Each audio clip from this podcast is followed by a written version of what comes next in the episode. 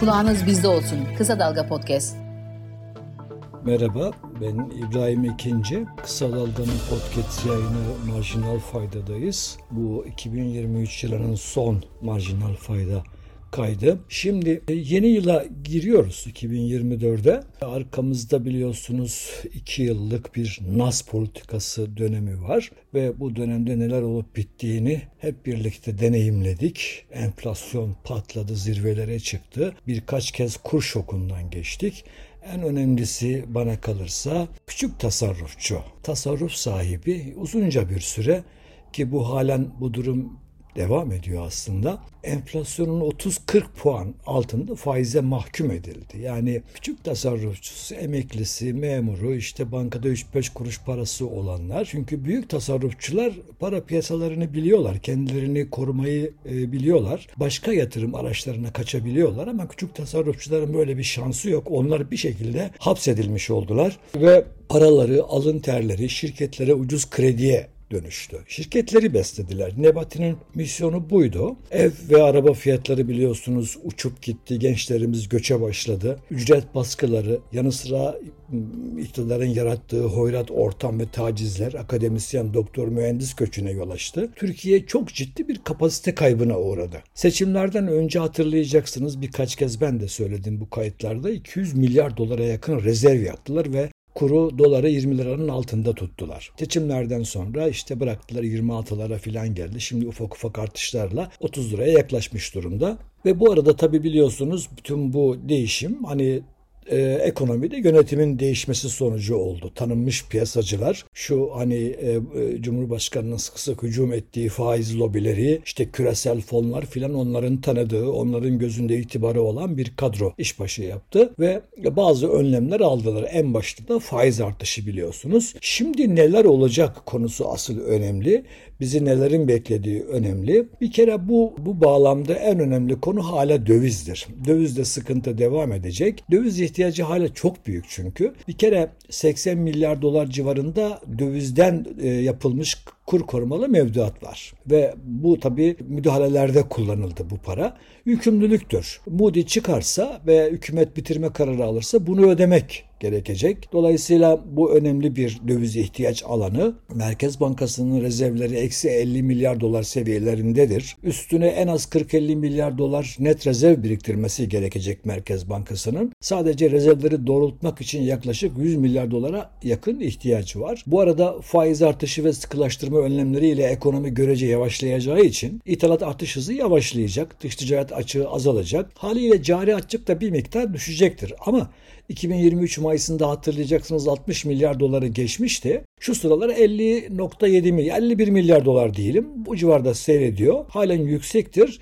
Tabii ekleyelim hani kısa vadeli borçlar eksi 44 milyar doları kamu kesimine ait olmak üzere 220 milyar dolar civarındadır. Bunun da tabii çevriliyor ama bir kısmını ödemek gerekecektir. Şimdi dövizdeki tablo yine e, ağır bir tablo olarak önümüzde duruyor ve müdahale de devam ediyor aslında. Gerçi Merkez Bankası son yaptığı yılın son açıklamasında kur hedefimiz yok. Biz müdahale etmiyoruz. Sadece KKM dönüşlerini ödüyoruz dese de böyle kurla enflasyon arasında bir grafik çizildiğinde efendim kuru enflasyonun bir tık altında tutmaya çalıştıkları grafikte fotoğrafta gözüküyor. Şimdi bir kere orta vadeli programda bile 2023 sonu için dolar kuru 30 lira 65 kuruş tahmin edilmişti. Onun bile altında devam ediyor. Ee, yeni ekonomi yönetimi önceki tabir uygunsa hani hunhar satışlar yapardı. Şimdikiler biraz daha ılımlı bir müdahaleyi sürdürüyorlar. Bu nedenle kur artışları aylardır enflasyonun altında seyrediyor bu müdahaleler devam ettiği için. Dolar yatırımcısı yılı zararla kapattı.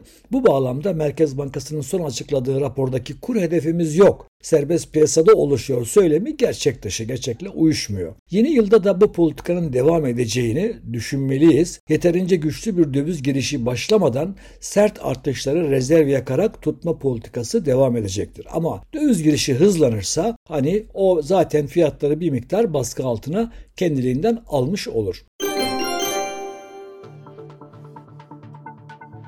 Şimdi TL cinsi kur korumalı mevduatla e, sonlandırmaya gidiliyor. Bu açıklandı. Hükümet TL cinsi KKM'nin bitirilmesi kararını aldı. Yeni hesap açılmayacak. Vadesi gelenler de e, kapatacak, kapatılacak. Dolayısıyla TL dönüşümlü KKM stoku çok azaldığı için hani bu kararın e, bir etkisi olur mu?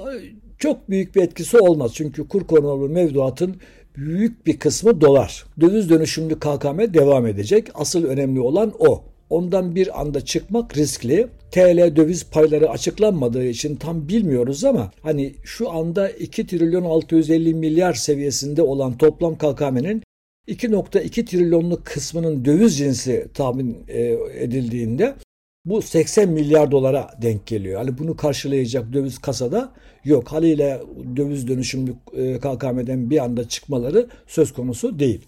Doğrudan döviz mevduat hesabı ve e, kur korumalı mevduat birlikte düşünürsek toplam mevduatın halen %58.4'ü dolar cinsinden, döviz cinsinden demek bir miktar gerilemekle birlikte dolarizasyon halen çok yüksek. Merkez Bankası son açıklamasında TL mevduat payını %50'ye yükseltme hedefi koymuş durumda. Bu da TL mevduatı daha cazip hale getirirken DTH ve KKM'nin cazibesini azaltacak adımlar beklenebilir demek. 28 Aralık tarihli resmi gazetede zaten ilki yayınlandı. Mevduat faizi, devlet tahvili, fon vesaire gibi e, yatırım araçlarından elde edilen kazançlara uygulanan vergi avantajından yararlanma süresi 4 ay daha uzatıldı. Yani Nisan ayına kadar uzatıldı. Uzatmanın seçime endeksli yapıldığına dikkat edelim ve Cumhurbaşkanı'nın vergiyi %40'a kadar çıkarma yetkisi aldığını unutmayalım. Demek ki Nisan'dan sonra bir e, bu yatırım araçlarında bir vergileme gelebilir. Asgari ücret biliyorsunuz açıklandı ve çok tartışıldı. Hükümet açıklamayı AKP Genel Merkezi'nden yapmak, ücreti komisyonda belirlemek ve ilan etmek yerine Cumhurbaşkanı'nın kararına bırakmak gibi bütün teamülleri alt üst ederek asgari ücreti açıkladı. 17.002 lira oldu yeni asgari ücret. Bu ücret aylık fiyat artışları devam ettiği için önümüzdeki Nisan ayı sonrası yine açlık sınırının altında kalacak. Üstelik ilk 6 ay sonunda yeniden belirleme de yok. Yani e, yeni ekonomi yönetimi bunu hükümete dayatmış gözüküyor. En büyük sorun diğer ücretlerin de asgari ücret veya yakın seviyelere çekilmesi. Böyle bir durum gözüküyor. Yani bütün ücretler asgari ücret civarına toplaşıyor. Böyle bir hava var. Ben bu marjinal fayda kaydının yazısına da onun grafiğini koydum. Orada göreceksiniz. Mesela ücretlerde e, dengeler tamamen değişti. 2002 yılında mesela ücretlilerin %40'ı asgari ücretin iki katından fazla maaş alıyormuş. Bakın 2002 yılında %40'ından fazla. Bu oran şimdi %18. Yani asgari ücretin iki katından fazla maaş alanların sayısı yarıdan çok düşmüş. Demek ki işte o asgari ücret civarına toplaşma devam ediyor. Giderek herkesi asgari, giderek herkes asgari ücretli oluyor gibi bir tablo var karşımızda. Elbette en önemli sorun asgari ücretin açlık sınırı gibi onurlu bir devletin utanacağı bir baz üzerinden tartışılması milyonlarca haneye size bir ücret vereceğiz ki onunla sadece karnınızı doyurabilirsiniz demek oluyor bu. Türkiye'de toplumsal muhalefet tabii ki ücret politikasında her haneyi yoksulluk sınırının üzerinde yaşatmayı hedef olarak seçmek zorunda. Zaten doğru dürüst bir devlet de bunu yapması gerekir.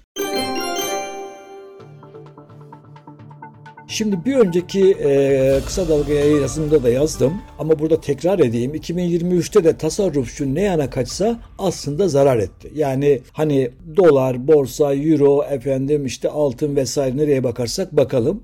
Şimdi 2022'de TÜİK tüfesine göre bile borsa dışında kazandıran tasarrufçusunu enflasyona karşı koruyan başka bir yatırım aracı yoktu. Sadece borsa. Bu yıl da dolar, TL mevduat ve devlet iş borçlanma senetleri kaybettirdi yatırımcısına.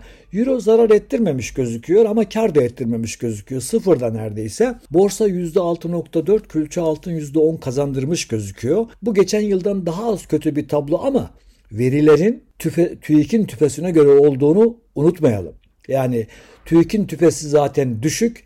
Ona göre bir reel kazanç hesabı e, yapıldığında hani birkaç yatırım aracı sanki kazandırmış gibi gözüküyor. Mesela borsa %6.4, külçe altın %10.19 kazandırmış gibi gözüküyor. Ama Hani TÜİK'ün tüpesi şu anda 61-62'ye 70 olsa hiçbir şey kazandırmamış oluyor. Dolayısıyla buna dikkat etmek gerekir. Kim kazanıyor diye de tabii bir sormak lazım bu durumda bu tablo karşısında. Hala kredi kullanan şirketler kazanıyor. Çünkü hala enflasyonun altında faizlerden kredi kullanabiliyorlar. Yüksek getiri elde eden fonlara yatırım yapanlar kazanıyor. Hatırlayacaksınız yüzde bin getiren, getiren fonlar bile vardı. Borsayı, borsayı e, tabiri uygunsa silkeleyen hacı yatmazlar kazanıyor. Milyarlarca dolarını yurt içi yurt dışı gezdirenler kazanıyor. Enflasyon karambolünde fahiş fiyat artışları yapan şirketler kazanıyor. Bunların karları yerinde gözüküyor. 2024'ün en önemli riskleri neler olabilir, beklentiler neler olabilir dersek Şimdi bir kere birçok yorumcunun, analistin paylaştığı en önemli risk yerel seçimlerden sonra Erdoğan'ın Şimşek Erkan ikilisiyle yolları ayırması, yeniden NAS politikasına dönmesidir. Eğer bunu yaparsa işlerin yeniden daha derin bir şekilde karışacağını söylememiz mümkün. İhtimal dışı mı? Değil. Erdoğan'ı tanıyoruz.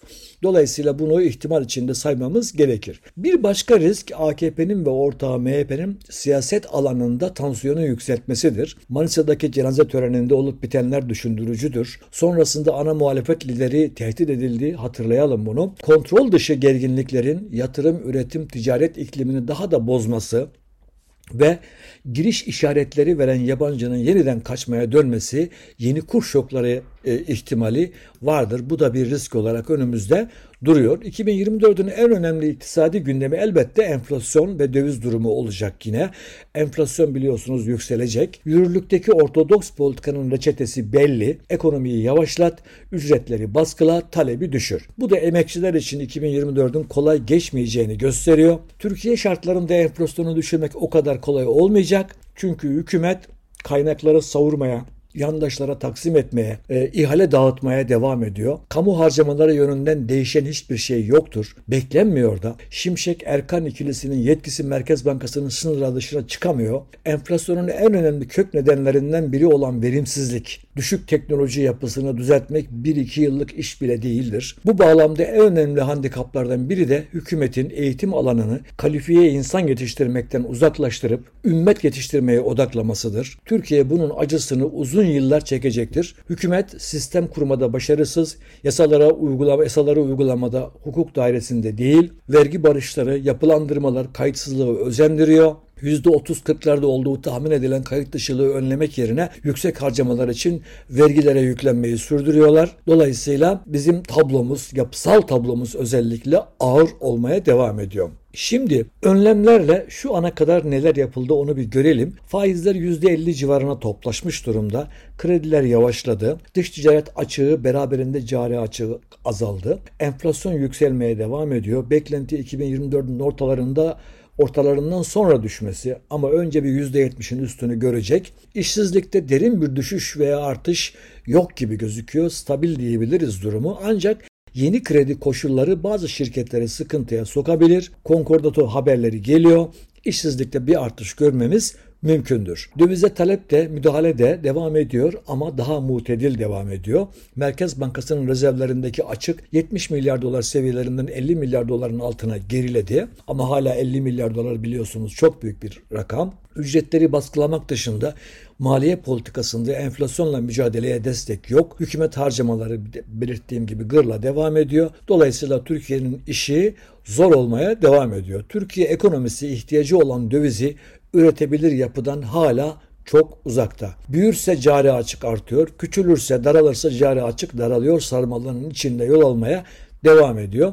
Son zamanlarda kısmen inisiyatif verilen Merkez Bankası dışında ekonominin hiçbir kurumu da yetki kullanamıyor, çalışamıyor. Dolayısıyla ekonomi yani enflasyonla ilgili, hayat pahalılığıyla ilgili, efendim diğer yapısal sorunlarla ilgili ekonominin bütün aktörlerinden topyekün bir hareket, topyekün bir gayret göremiyoruz. Evet, e, hepiniz kendinize iyi bakın, iyi yıllar diliyorum. Hoşçakalın, tekrar görüşmek üzere. E, yeni yılınız kutlu olsun efendim.